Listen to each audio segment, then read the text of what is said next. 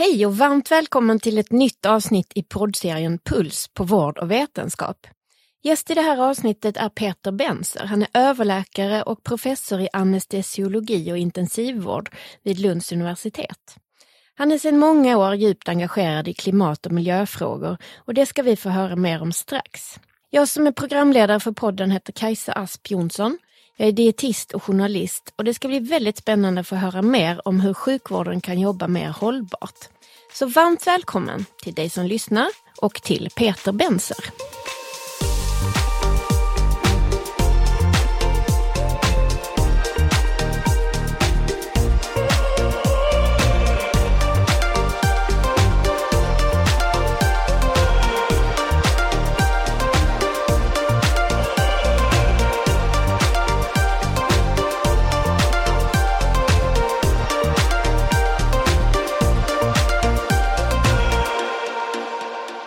Varmt välkommen Peter Benser. Jag tänkte du ska få börja med att presentera dig själv Peter. Vem är du och varför blev du så här engagerad i de här frågorna? Ja, eh, svårt att veta riktigt var man ska börja. Men man kan väl säga så här då att eh, jag är anestesiläkare. Men jag är också forskare sedan eh, 30 år eh, tillbaks. Och jag har väl egentligen i hela mitt liv varit intresserad av eh, miljöfrågor. Och eh, för ett eh, tiotal år sedan kanske, eh, någonting sånt där, så insåg jag att om jag vill göra liksom verkstad av mitt miljöengagemang så är det bäst att gräva där jag står och engagera mig i miljöproblem som finns inom anestesi. och det är väl egentligen min inkörsport till mitt miljöarbete inom anestesi och intensivvård. Mm. Och vilka områden finns det då inom din läkarspecialitet? Så att säga? Ja, inom, inom som, som namnet antyder så jobbar vi ju som anestesiläkare både med eh, anestesi, det vill säga att söva patienter eh, och smärtstilla dem i samband med operationer. Men sen jobbar vi också med intensivvård. Det vill säga vi tar, tar hand om kritiskt sjuka patienter med sviktande organfunktion på intensivvårdsavdelningar. Eh, och eh, på vissa, vissa sjukhus så jobbar man eh, i princip lika mycket med båda delar av, av de här komponenterna i, i anestesi och intensivvård. Men på många lite större sjukhus framförallt så, så är man subspecialiserad. Så att man jobbar antingen mest med intensivvård eller, eller anestesi. Då. Mm. Och jag är väl mer inriktad mot eh, intensivvård men jag söver också regelbundet. Okej. Okay. Men då är det liksom både gaser och droppvätskor och även läkemedel man tar via munnen eller?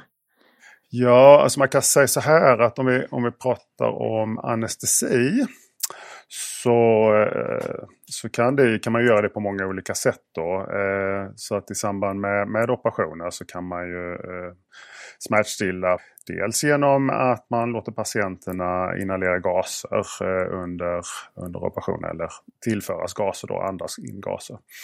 Eller så, så sprutar man läkemedel intravenöst hela mm. tiden under operationen. Eh, på intensivvården så är det absolut vanligast att om, vi, om man liksom behöver bli bli sövd eller så för att klara av eh, exempelvis att bli kopplad till en, en respirator. Så, eh, så är det absolut vanligast att man får eh, någon form av sömnmedicin intravenöst, alltså insprutat i en ven. Mm. Sen kan man säga att på, på operation så vi söver i princip alltid ner patienter genom att spruta läkemedel i, i blodkärlen intravenöst. Mm. Medan det vi kallar underhåll, det vill säga det sättet på vilket vi får patienterna att fortsätta sova under operationen. Kan, då kan man välja antingen att fortsätta med intravenösa läkemedel eller gaser. Mm. Sen finns det egentligen andra alternativ också. Man kan smärtstilla patienter med ryggbedövningar eh, av olika slag. Och faktiskt ganska, eh, framförallt ortopediska ingrepp. Mm. Då kan man använda eh, ledningsblockader, det vill säga att man blockerar nerver ut i armar och ben. Eh, och på det sättet liksom gör att man kan genomföra operationer helt utan smärta med en vaken patient. Mm. Men det är ju inte så här helt självklart för en lekman då att tänka miljöfrågor i de här sammanhangen. För Nej. Det, ja. Berätta. Nej, men det, det är, det är så, såklart. Ja, det, det har visat sig då, och det var väl egentligen min inkörsport till, till det här miljöarbetet, eh, till dels i varje fall, att, eh, att de gaser som vi använder för att, att söva patienter eh, är ganska potenta växthusgaser. Så att Styrkan av en växthusgas brukar man relatera till eh, styrkan på koldioxid. Så att alla andra gasers mm. klimateffekt relateras till koldioxids klimateffekt. Då. Ja, precis. Men eh, man brukar ju prata om koldioxidekvivalenter. Precis, ja. Pratar om mat och kossor som pruttar och sådär. Ja, precis. Och det gäller ju även för eh, våra anestesigaser då. Mm. Och eh, då är det så att eh, vi använder några olika och de är lite olika kraftfulla som växthusgaser. Då. Och den mest kraftfulla den är ungefär 2 500 gånger mer kraftfull än vad koldioxid är som växthusgas. Då. Oj, och i vilka mängder används den då? då? Är, är, det liksom, är det en fråga som man behöver fundera på? Ja, men det är en bra fråga att, att ställa sig förstås. Då. Är detta här liksom eh, meningsfullt att jobba med då? Eh, man kan säga att i, i, i Sverige så, så då kartlade vi eh, förbrukningen av anestesigas 2017 vill jag minnas att det var. 2017 eller 2018. Eh, och då fann vi att den totala förbrukningen av desfluran var ungefär 600 650 liter någonstans där. Och sen så eh, förbrukar vi även andra anestesigaser också då som, som är lite mindre potenta eh, växthusgaser. Så att man kan räkna fram att, att det totala eh, bidraget av anestesigaser till det svenska klimatavtrycket det, det är 0,05 promille. Och då kan man ju tycka att det där är ju superlite. Varför ska vi överhuvudtaget bry oss om det? Mm. 0,05 ja. promille. Ja, precis. I, I förhållande till vad? Alltså, i... Ja, då är det 5000, eh, alltså i, om man omsätter det till koldioxidekvivalenter så är det någonstans mellan 5 och 15 000 koldioxidekvivalenter. Men alltså i förhållande, alltså de här 5,05, nej 0,05 promille av vad? Liksom? Av, av, det totala svenska klimatavtrycket. Ah, okay. ja. Och, och, det är nog ungefär, det har gjort liknande beräkningar i andra utvecklade länder och det är ungefär där man landar. Eh, mm. Ja, ska vi bry oss om det då? Eh, ja, det kan man ju fråga sig. Jag brukar tänka så här då att eh, Sveriges samlade klimatavtryck är, är väl ungefär, ja, nu, nu kan jag inte riktigt siffrorna, men jag kan tänka mig att vi ligger någonstans där i förhållande till det globala klimatavtrycket av all, all mänsklig verksamhet. Att vi är en mm. försumbar del egentligen, mm. eller en mm. väldigt liten del. Mm. Eh, men vi använder ju inte det som argument för att inte göra någonting åt vårt eget eh, klimatavtryck. Nej, eh, alla måste bidra liksom. Man måste mm. liksom bidra. Och sen ett annat sätt att, att, att, tänka är väl, tycker jag då, och kanske det mest viktiga, det är då att om man då kan välja mellan två olika anestesigaser och, och det egentligen inte spelar så stor roll för patienterna. Eh, eller det inte spelar någon roll överhuvudtaget för patienterna skulle jag vilja säga då. Eh, så finns det ju ingen anledning att välja ett alternativ som har en, en, eh, en väldigt mycket högre klimatpåverkan om allting annat är lika mellan de här gaserna. Mm. Nej, precis. Och det är väl en konklusion som ganska många har, har landat i då. Så att eh, många sjukhus har faktiskt an slutat använda de här mest klimatskadliga. Och även på andra ställen i, i världen eller är det ja. mest i Sverige? Ja, men det stämmer. De första som liksom eh, egentligen börjar räkna på hur, hur mycket hur mycket eh, Desfloran bidrog till eh, anestesins eller operationsavdelningars klimatavtryck. Det var en grupp i Vancouver då. Eh, och de använde väldigt mycket Desfloran fram till det att de kom fram till att detta här var ett problem. Då. Så att eh, mm. det absolut största sjukhuset i, i Vancouver i Kanada eh, slutade egentligen över natten med mm. att använda Desfloran. Mm.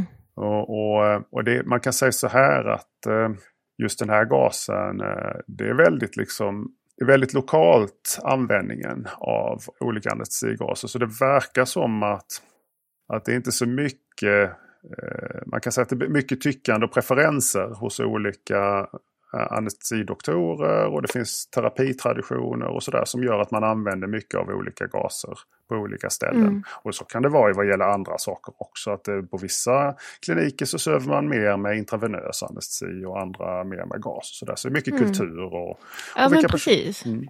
Ja, för det, vi brukar ju prata om vetenskap och beprövad erfarenhet. Kör man mer på beprövad erfarenhet lokalt då? Eller hur, hur väljs det där? Liksom?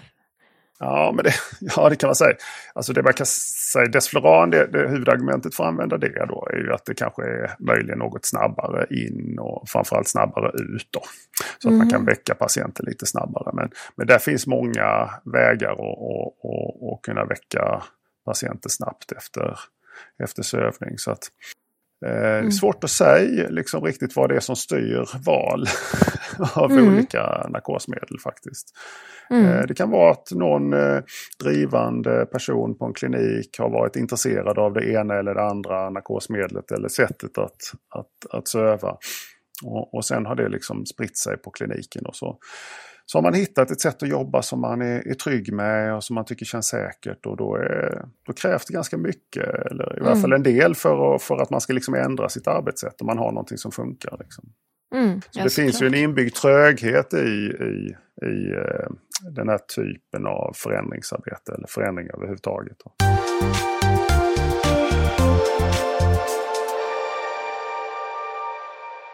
Men du, ska vi prata lite mer om andra saker också? För du, när vi pratade lite inför det här mötet så nämnde du även liksom vanliga läkemedel som man tar via munnen.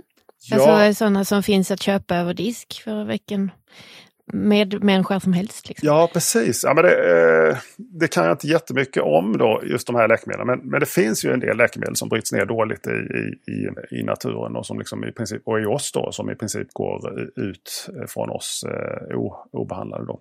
Där, mm. Det är mm. bland annat diklofenak som är en, en vanlig eh, smärtstillande sån här eh, antiinflammatorisk medicin. Då. Mm som har ganska stora effekter i nedströms i, i ute i naturen. Då. Som jag egentligen inte kan mm. redogöra för i, i någon närmare detalj. Men jag vet att eh, många jobbar med att minska förbrukningen av, av den typen av, av läkemedel. Mm. Eh, och det finns också eh, några blodtryckssänkande mediciner som har, har ganska stora effekter ute i, i naturen. Och de får man ju via recept så att säga? Eh, ja, Blodtryckssänkande? Ja, precis. Men, men eh, diklofenak och sådana, eh, det kan ju folk äta lite sådär, ja, lite slentrianmässigt nästan och, och starta morgonen med en sån istället för att ta en kopp kaffe kanske. Alltså, eh, är inte det också en rätt viktig fråga om man ska tänka på miljön att faktiskt minska användningen? Jo, eh, återigen, liksom, bara för att förtydliga att det här är ingenting som jag på något sätt har liksom läst in mig på. Men, men självklart liksom som, en, eh, som en som ändå är i, i branschen då, så, så, så kan jag tycka att eh, det här är eh, jätteviktiga frågor. Precis som eh, egentligen då, alltså läkemedelsindustrin i sig är ju liksom en, en, en stor industri eh, med en betydande miljöpåverkan. Eh, och, och eh, där kanske inte miljökraven alltid är de, de högsta. Då. Vi köper ju i allmänhet in eh, mediciner, eh, så kallade generikapreparat. Och många av dem tillverkas ju inte i Sverige utan kanske i Indien, i en stor producent. Och där är miljökraven kanske inte likadana som de är här då. Eh, men det blir billigt att köpa in för oss då. Så mm. att eh, det finns väl kanske inga eh, gratis luncher. Så vad vi vinner i billiga inköpskostnader det är det någon annan som eh, betalar priset för i form av en miljöpåverkan. Och, och mm. där tror jag att, att det finns ett jättestort arbete att göra på nationell och kanske på EU-nivå att reglera villkor för vilka typer av mediciner som vi vi köper in då. Att man mm. kravspecificerar liksom att det måste vara producerat under de och de omständigheterna. Och det, där har vi ju säkert ett inflytande.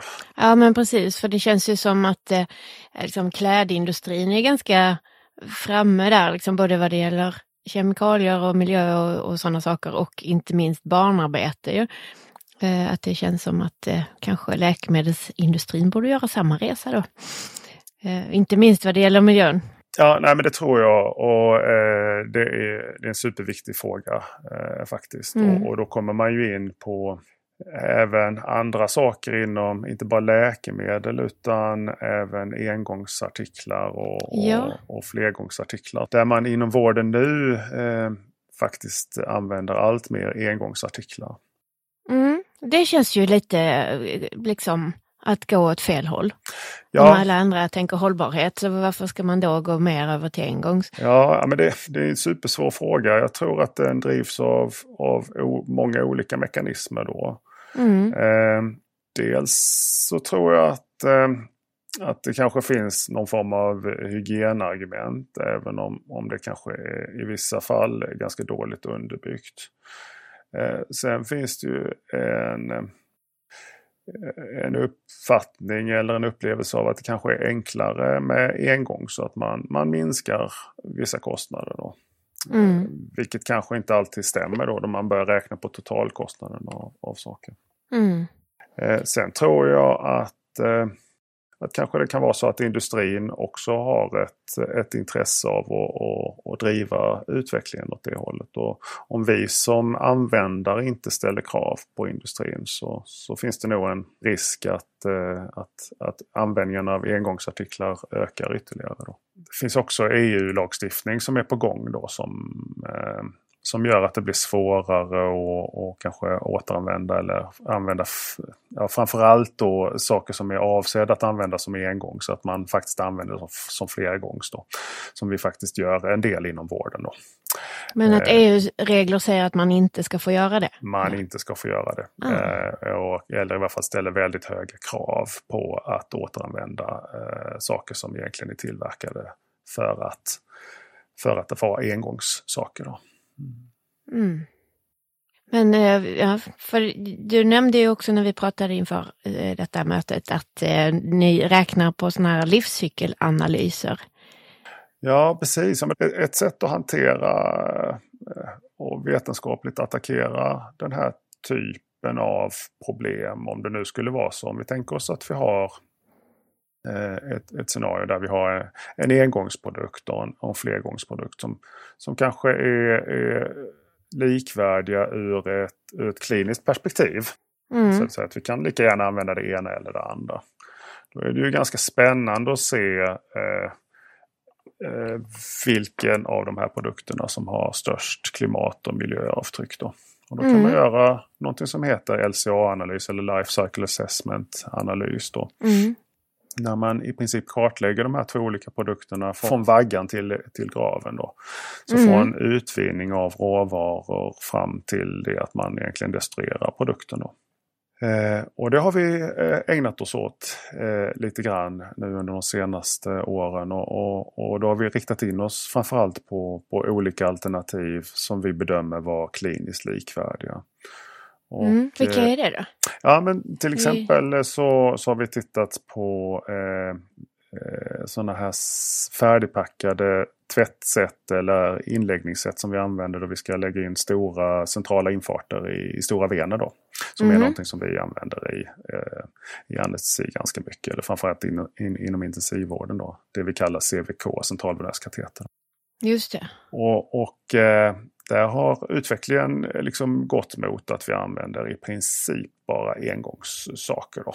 Från mm. att då jag började med detta här i den här verksamheten för 20 år, då hade man ganska mycket eh, saker som, som gick att använda flera gånger. Och till exempel tygunderlägg, sterila tygunderlägg som man skickade till tvätt och, och eh, pianger och nålförare och, och sådär som, som användes många gånger. Och, och det har mm. liksom mm.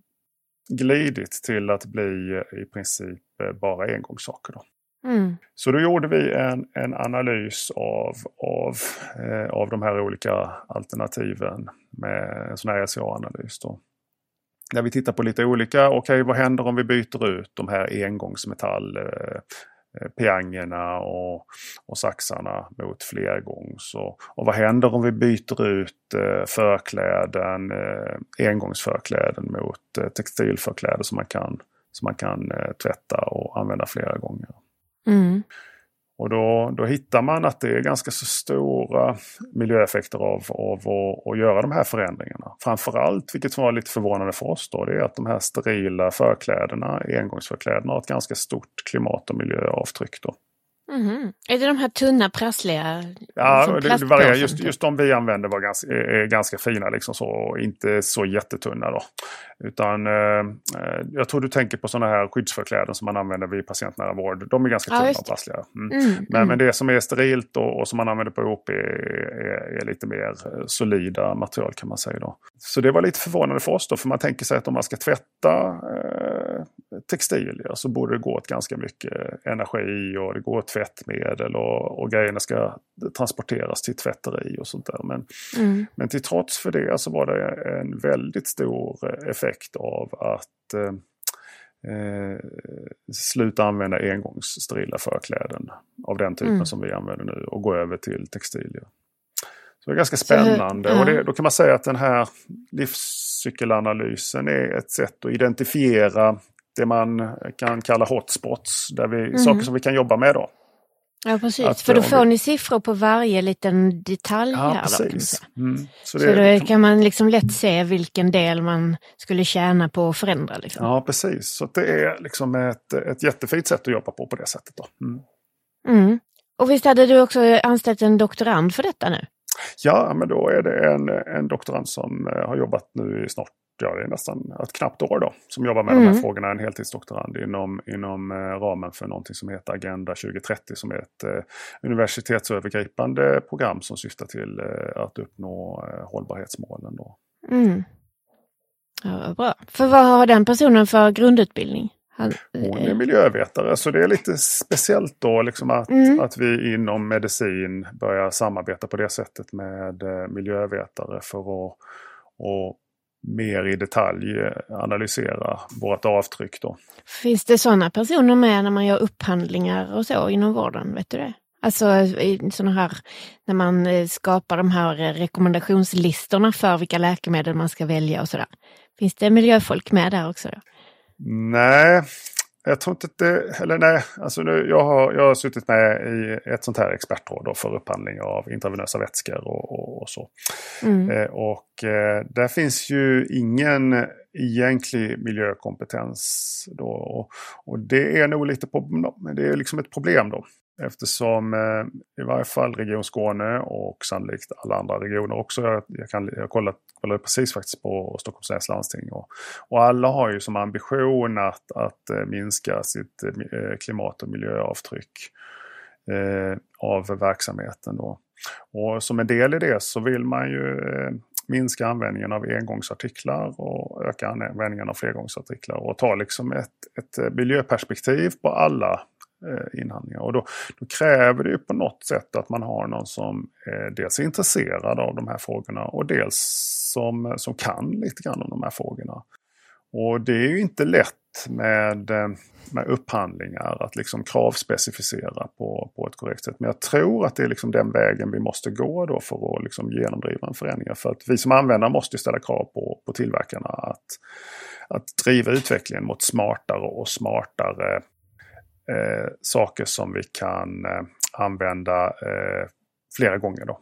Jag tänker också att det är en viktig beredskapsfråga. Att man liksom kan återanvända och inte är beroende av leverantörer hela tiden. För att de, så vi har ju sett nu i förhållande till coronapandemin och till Ukrainakriget, att liksom saker och ting kommer inte fram alltid och liksom fabriker stoppas och så. Då är man ju väldigt beroende av någon annans produktion om man ska ha engångsmaterial hela tiden.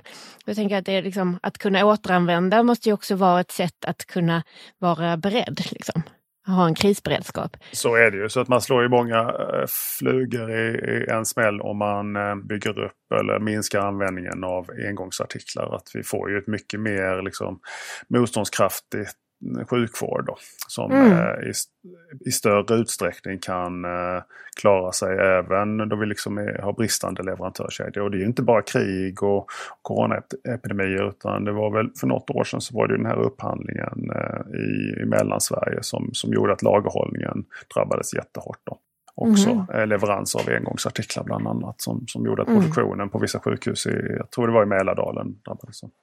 Så att det kan hända av många olika anledningar men, kontentan är väl att, att man, man vinner mycket, eh, inte bara miljö och klimatmässigt på att minska användningen av engångsartiklar eh, utan även i, i motståndskraft för, för sjukvården i stort. Då. Det är viktigt att, att, ha klart för sig också att, att jag tror inte att Alltså att man behöver nog göra de här analyserna och se från, från område till område när engångs och flergångs är, är bra. Då. För det kan ju finnas scenarier där det faktiskt är smartast att använda engångsartiklar. Mm. Och det där beror ju på liksom lite grann vilken kontext man jobbar inom då. Om man jobbar i en miljö där det knappt finns något vatten överhuvudtaget. Ja, då, då kanske det är problematiskt om man liksom ska börja diska saker. Liksom. Och, eh, men då finns det andra saker man kan jobba med. Man kan minska vattenåtgång, man kan jobba med smartare sätt att eh, sterilisera eh, produkter. Man behöver inte använda ångsterilisering utan andra sätt att sterilisera. Så att, eh, mm. Men, men det är inte alltid, jag vill understryka det då, att jag, jag tror det är viktigt liksom att, att man måste liksom titta från fall till fall. Då. För att det kan finnas då fall där, där det kanske till och med är smartare att använda engångsartiklar. Men mm. jag tror det är ganska långt mellan dem. Då. Mm. Ja, jag tänker att det är liksom om, om patientsäkerhet är ett argument som man använder så kan man ju se det på två sätt. Liksom. Patientsäkerhet hygieniskt om man nu vill liksom vara bombsäker på att det är supersterilt. Eh, vilket det väl ändå oftast är, även om man har diskat det. Eh, men å andra sidan då patientsäkerhet i förhållande till att man har tillgång till grejerna man behöver. Ja, nej, men så är det ju också. Det där är ju rätt så spännande för att, eh, för att vi, vi, allting hänger ihop på den här planeten. Då. Och eh, om vi driver våran sjukvård på ett sätt där vi liksom ja, men vi tar höjd för Alltså vi försöker bygga bort alla möjligheter för till exempel postoperativa infektioner och sådär. Så, så kostar det otroligt mycket i resurser. Eh, och, och, och, det kan ju, kan ju då liksom få sekundära effekter på människor som bor i andra delar av världen. Så, så jag skulle nog vilja säga att det där kan nog vara ett rättviseproblem också. Att vi på något sätt, om vi liksom driver våran sjukvård på ett sätt som att eh, ja, men vi har en nollvision då till exempel. Om vi nu tar exemplet infektioner. Det kostar jätte, jätte, jättemycket pengar och jätte, jätte, jättemycket resurser. Och de resurserna kanske hade varit smartare att använda på någonting annat eh, än, än än liksom att försöka vinna, skruva lite lite på den här eh, infektionsfrekvensen som redan nu är otroligt, otroligt låg. Då. Mm. Eh, och, och, det där är en sån där grej som man kan räkna på i LCA-analys också. Man kan räkna på hälsoeffekter utanför sjukvården. Då. Så att om man har till exempel en intervention som vi pratade om innan som är kliniskt likvärdig. Ja, men då är det ju i högsta grad relevant att även titta på ja, men vad har, om, om, den, om, den, om den ena interventionen är väldigt energikrävande eller miljöpåverkande. Ja, men då kommer den ha en hälsoeffekt utanför den kliniska kontexten som kanske är jätteviktig. Då. Mm. Men är det fler kollegor runt omkring dig som tänker lite i samma banor? Eller kanske inte alldeles runt omkring dig för att de flesta kanske jobbar på samma sätt där du är. Men om man tänker sig större, liksom i sjukhuset eller i regionen eller i landet, är, ser, ser de dig som en klok person eller liksom, åh, där kommer han miljönissen igen liksom och stör våra, eh, vår strävan att bli bättre sjukvårdare? Jag tror det kan variera lite grann faktiskt. Att, att eh, det finns ju ett motstånd i alla organisationer mot, eh, mot förändring. Så där, där kan nog finnas liksom ett, eh, en grad av, av liksom att åh, vad jobbigt detta här är. Då. Samtidigt så med, med det sagt så jag har nog aldrig jobbat med, jag har nog jobbat med forskning i, ja, det är nästan i 30 år nu. Då. Och eh, jag har aldrig fått så mycket positiv feedback som eh, då jag jobbat med de här frågorna då. Så att jag tror att de, den allra största majoriteten vill göra rätt. Då. Mm, mm. Eh, och, och, Det gäller bara liksom att vi hittar verktyg eh, tillsammans för att liksom jobba med bibehållen kvalitet i, i, i vården. Då, jobba smartare och med mindre klimat och miljöpåverkan. Så att jag skulle nog säga att, att de allra flesta är positiva. Och att alla jobbar med, med det här då. Men att det är svårt då. Mm. Ja, nej men det är väl så att man har ett ja, det är ytterligare en aspekt som liksom gör det man håller på med ännu mer komplicerat och komplext. Liksom. Ja, och, så, och som du säkert, jag menar, vården är ganska pressad på många ställen nu. Och eh, då kanske liksom källsortering eller miljöanalyser inte står allra högst på, på prioriteringslistan. Eh, vilket de kanske egentligen borde göra då, men, men man, man har annat att liksom tänka på i första hand. Då. Mm, så det gör ju också mm. ett förändringsarbete ganska så, så komplext. Då. Ja, precis. Mm, intressant. Sen tror jag att, att även om läkarna har ju inte kanske tagit... Eh, alltså vissa saker där man liksom, av miljöarbetet kräver ju ett, ett stort läkarengagemang. Det handlar om medicinsk säkerhet och att, eh, att man måste ha kompetens att kunna avgöra är, är det lika säkert med, om, om vi säger då den ena gasen som den andra gasen. Och, så där. och det kräver att, att, att vi som läkare engagerar oss mycket i de här frågorna också. Och, och där har det nog inte liksom varit någonting som har eh, ja, eh, prioriterats då kan man säga. Då. Men även där börjar det bli bättre då. Eh, tror jag att, att, att många börjar känna att ja, men jag, vi vill jobba med de här frågorna. Då. Tror du det är särskilt eh, intresse just i Lund eller? Vet inte. Eh, utan jag tror det vi har i, för några år sedan så Alltså det har ju ganska länge funnits en, en, en förening som heter Läkare för miljön. Och, och för tre, fyra år sedan så bildades en lokalförening i, i Skåne. Eh, och som är faktiskt väldigt aktiv då och har gjort mm. jättemycket. Så att eh, det finns liksom ett spirande intresse för de här frågorna. Eh, men, men, jag tror att vi ligger ganska långt efter andra delar av, av, av samhället. Då. Att mm. det har liksom, vi har på något sätt ansett oss liksom jobba med så viktiga grejer så att vi behöver inte jobba så mycket med, med miljön. Då. Men, men jag tror att man börjar komma till insikt in, även inom vården att även vi måste, måste anpassa oss. Mm. Så det känns som att du gjorde rätt som stannade där och, och liksom skapade ett miljöengagemang på insidan? Ja, men det, ja, för mig känns det super. Liksom. Jag tycker mm. det är jättekul att jobba med de här frågorna. Även om det understundom naturligtvis är liksom eh, frustrerande att, att saker och ting tar ganska lång tid. Men men eh, det är väl så det, så det är. Det finns liksom en inbyggd friktion i, i allting liksom, som, som handlar om att förändra samhället. Precis. Du, jag måste bara fråga, liksom, jag tänker på drivmedel i ambulanser och sådär. Är det också en sak som ni har tittat på? Eller? Nej, det ligger det... lite utanför ditt ja. specialområde Nej, det har vi faktiskt inte tittat på. Nej, jag Nej. vet inte riktigt hur man har tänkt inom regionen eh, vad gäller det. Då. Mm. Eh, det Men... kan ju också vara en fråga att titta ja, på faktiskt. Eller hur.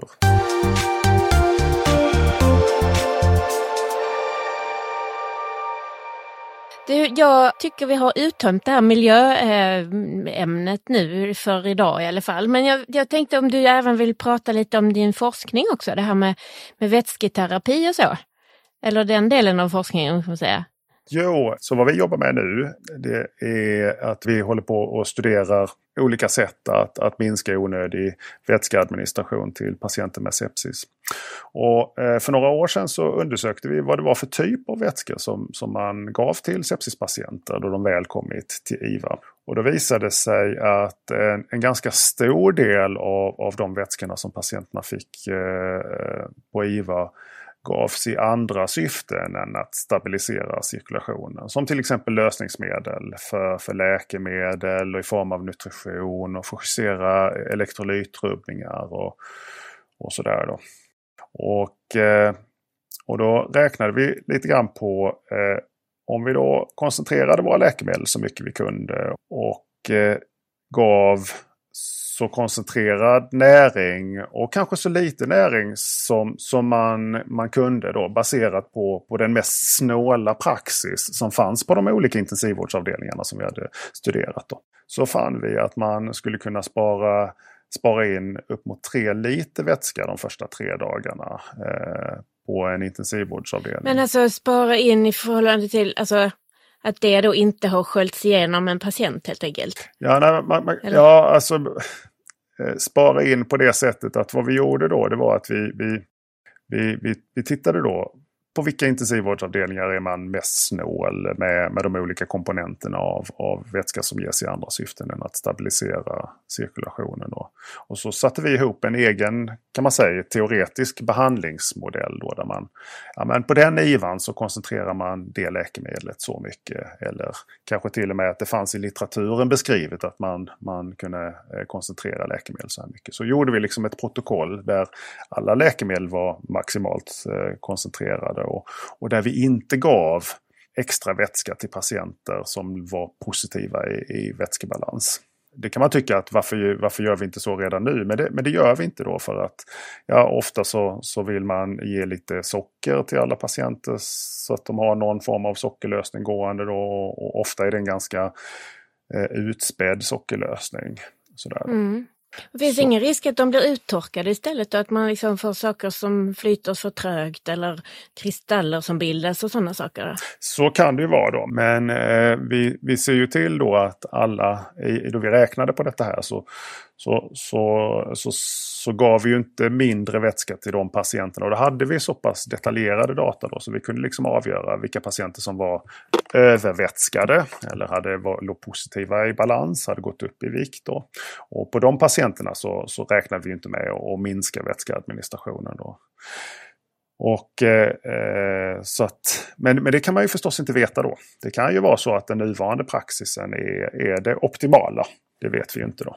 Men, men för, att, för att konkludera där då, då, då fann vi då att, att genom att bli lite snålare i, i den här typen av vätskor eh, som man då ger av andra anledningar än att stabilisera cirkulationen då, så, så skulle man kunna spara in ganska mycket vätska. Om det då, eh, om den här teoretiska beräkningen överhuvudtaget stämmer, att vi verkligen kan spara in detta, det, det är ingen som har undersökt. Så att, eh, och sen är det naturligtvis ingen som har undersökt om, om detta här verkligen förbättrar utfallet för intensivvårdspatienterna, vilket ju naturligtvis är liksom vårt, vårt slutmål med allt det vi gör. Så att just nu försöker vi eh, eh testa då om, om det här protokollet som vi har utvecklat som är baserat då på kan man säga det mest snåla sättet att administrera de här vätskorna som, som finns beskrivet i litteraturen eller på, på olika avdelningar runt om i Sverige. Då. Om vi överhuvudtaget kan spara in de här volymerna vätska som vi tror att vi kan spara in. Då.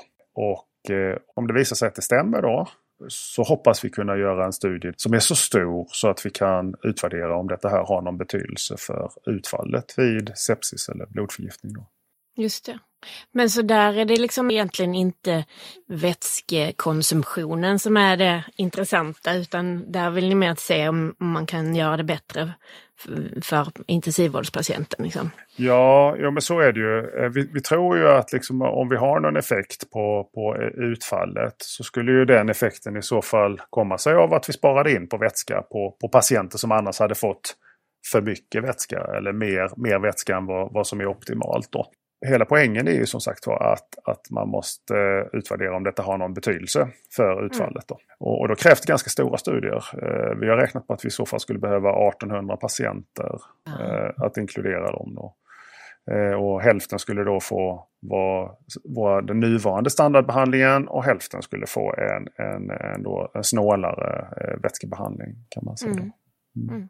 Då är det viktigt att, att understryka då att Eh, Eh, protokollet är ju utformat så, så att vi liksom säkerställer att patienterna kommer att få liksom tillräckligt med vätska. Då. Och att vi försöker eh, skruva åt på, på saker där vi kanske inte i nuläget tänker eh, optimalt. Då. Mm. Just det. Ja, Spännande. Det ska mm. bli intressant att se vart det tar vägen. Ja, det tycker jag också. ja, jag vet ju också, jag ska avsluta här alldeles strax, men vi vet ju också att du fick ett hållbarhetspris här förra året. Mm. Det var ju väldigt eh, trevligt och ärofyllt får jag säga, från Lä Svenska Läkaresällskapet.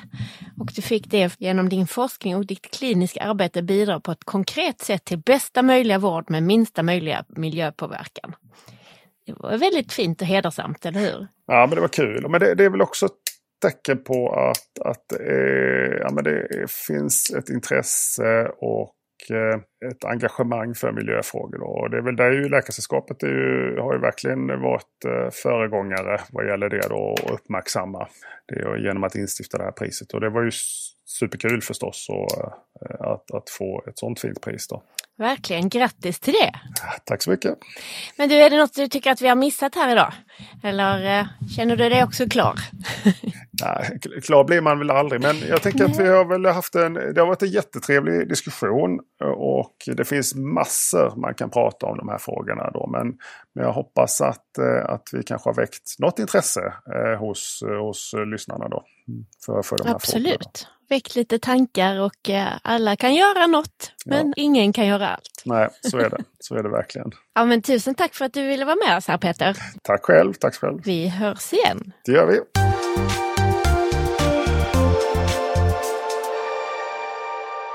Tack så mycket Peter för att du ville berätta om ditt viktiga arbete och om din forskning.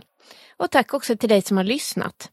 Vill du höra mer från en läkare som är engagerad för miljön så finns det ett avsnitt med gastroenterologen Riyad Sadik att lyssna på. Det är avsnitt 16 i serien och det släpptes den 30 mars. Du har lyssnat på Puls på vård och vetenskap. Poddserien ges ut av Fresenius Kabi som är en leverantör i hela vårdkedjan, på och utanför sjukhus. Klinisk nutrition, biologiska läkemedel, infusionsterapi, desinfektion, intravenösa läkemedel och medicinsk teknik. Det är några av de områden som de jobbar med. Och vill du veta mer så gå gärna in på freseniuskabi.se. Och jag hoppas att vi ses snart igen. Eller hörs i alla fall. Ha det så bra! Hej då!